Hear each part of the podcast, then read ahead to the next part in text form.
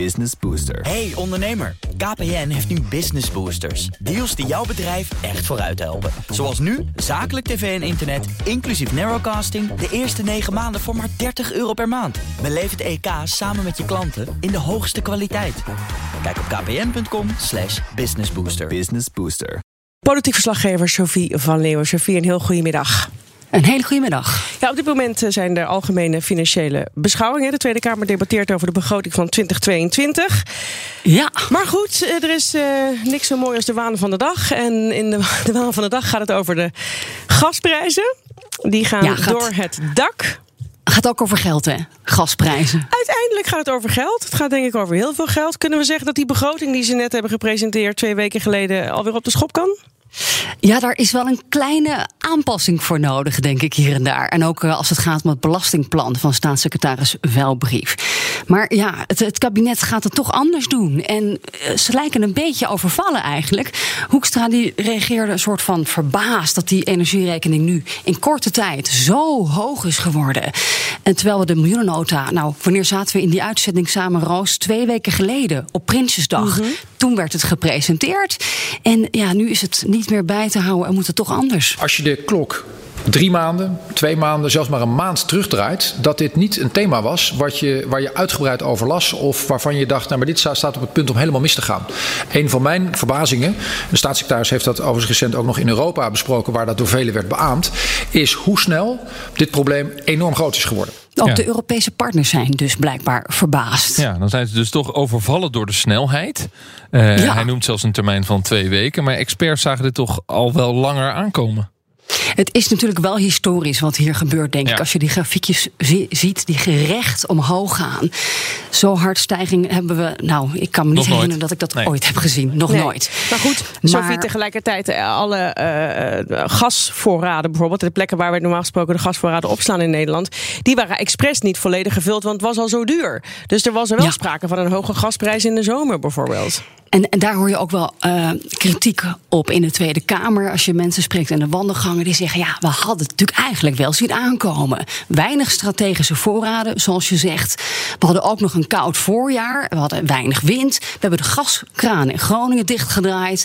Nou, er is meer vraag naar energie na de coronacrisis. Dus ja, de Tweede Kamer is er natuurlijk zelf ook bij. Hè. Die hadden dit natuurlijk ook misschien harder moeten aankaarten. Eh, maar dat gebeurt dan u- uiteindelijk vandaag nog op de valreep, op de dag dat we moeten gaan hebben over de begroting voor volgend jaar.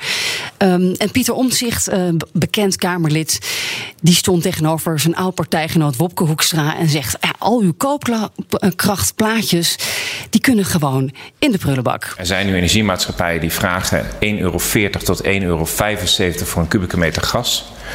Eh, de prijs dit jaar is rond de 75 tot 85 cent. Dat betekent voor veel huishoudens plus 60 of plus 100 procent in de gasrekening. Dat kan 100 tot 150 euro per maand zijn. En daarmee zijn alle koopkrachtplaatjes, alle energieplaatjes totaal kapot, zullen we maar zeggen. En ook Henk Nijboer van de PvdA die sloeg op tafel. En hoeveel hebben we dan nodig? Dat gaat om miljarden euro's. Om die koopkracht te repareren. Met name van de mensen die ja, natuurlijk slecht geïsoleerd huis hebben. Voor wie dit echt een probleem is. 100 euro in de maand erbij of meer. Henk Nijboer.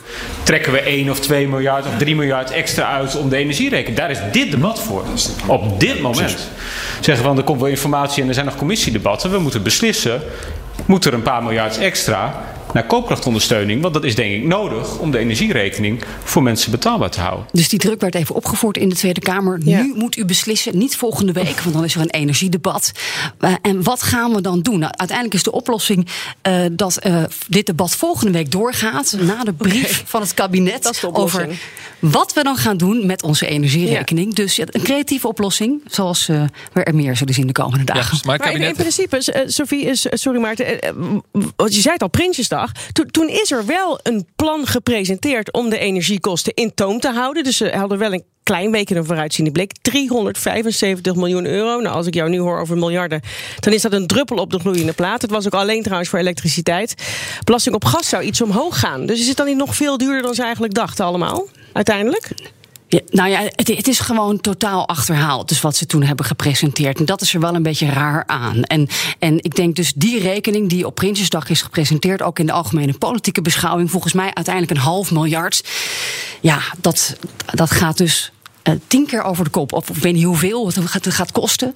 Maar um, daar moet ontzettend veel bij. Want we hadden het toen over tientjes werk. U krijgt een ja. paar tientjes extra. En nu hebben we het over misschien wel 100, 150 euro voor sommige mensen. Hè?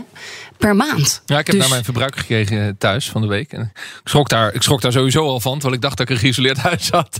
Maar ik dacht, oei, als ik dit doorreken, dan wordt dat nog wat volgend jaar. Er is geen enkel Kamerlid wat uh, gesuggereerd heeft om uh, de gaskraan weer een beetje open te draaien. Want er ligt nog uh, 600 miljoen kuub in Groningen. Wat we niet gebruiken. Ik weet dat het, dat het taboe is. Maar er is niemand die daarmee geflirt heeft. Ja, ik, ik heb het nog even geprobeerd bij de coalitie in de wandelgangen. En die zeiden, nou nee, weet je wat wij willen? Gas boren in de Noordzee. Maar ja, Groningen, dat kunnen we eigenlijk niet maken. De Groningers zien ons komen. Ja, de gaskraan ja. gaat weer open. Dus ja, dat gaat helaas, of althans helaas voor de energiecrisis, ja. gaat niet maar, gebeuren. En uh, gas in de Noordzee, dat kost heel veel tijd. Ja. Dus ja, die oplossing, uh, dat, dat, is, dat wordt hem gewoon niet. Als ik de experts, uh, experts mag geloven, Die zeggen in april is dit voorbij. Dan, dan is het met die gasprijzen weer oké. Okay. Dus dat is een relatief korte periode. Nou, het kabinet heeft de afgelopen maanden, weten we, niet geschuwd om hier en daar wat miljarden te lenen. Want ja, daar ja. krijg je tegenwoordig geld voor toe. Je kan toch prima zo'n eenmalige, eenmalige uitgave doen? Het hoeft toch helemaal niet gewoon via belastingen, et cetera, op de balans geregeld te worden? Of is dat in Europa ingewikkeld? Ja, je, kunt, je kunt wel eenmalig geld lenen. En dat is ook waar Wopke Hoekstra aan denkt.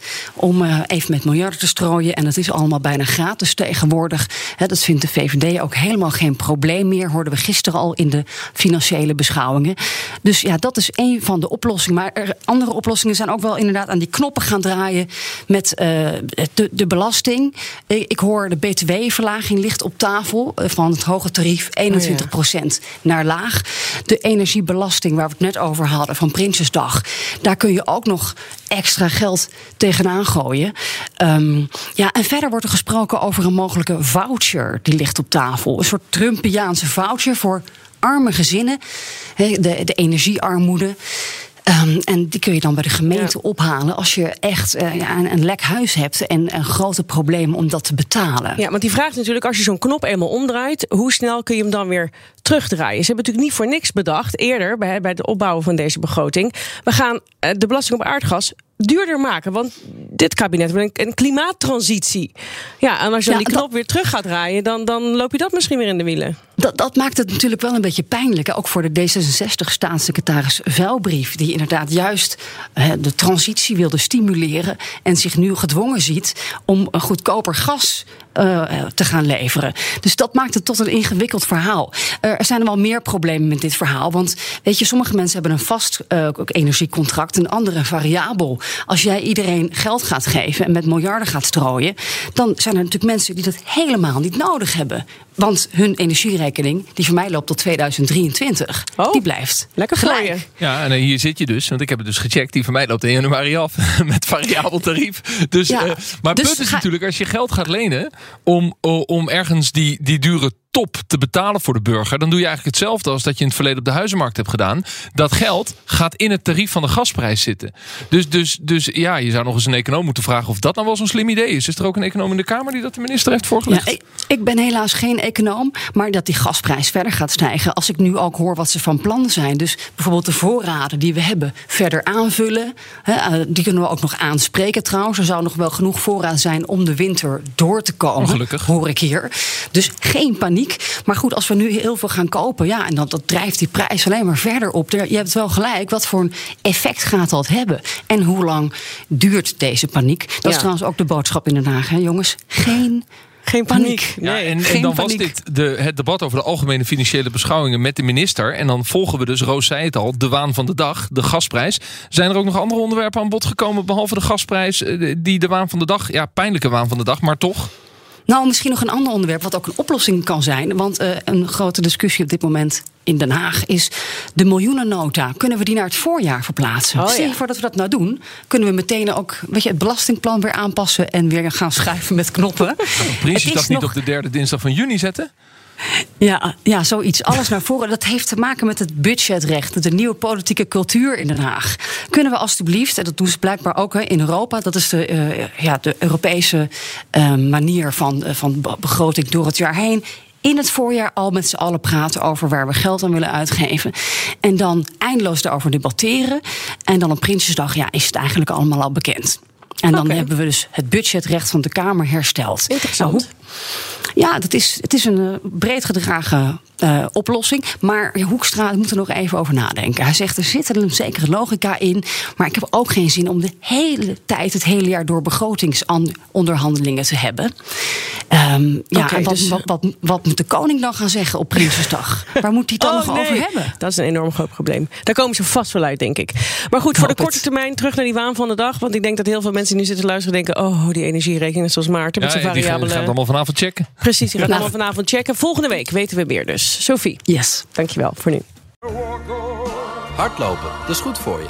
En Nationale Nederlanden helpt je daar graag bij. Bijvoorbeeld met onze digitale NN Running Coach... die antwoord geeft op al je hardloopvragen. Dus, kom ook in beweging. Onze support heb je. Kijk op nn.nl slash hardlopen.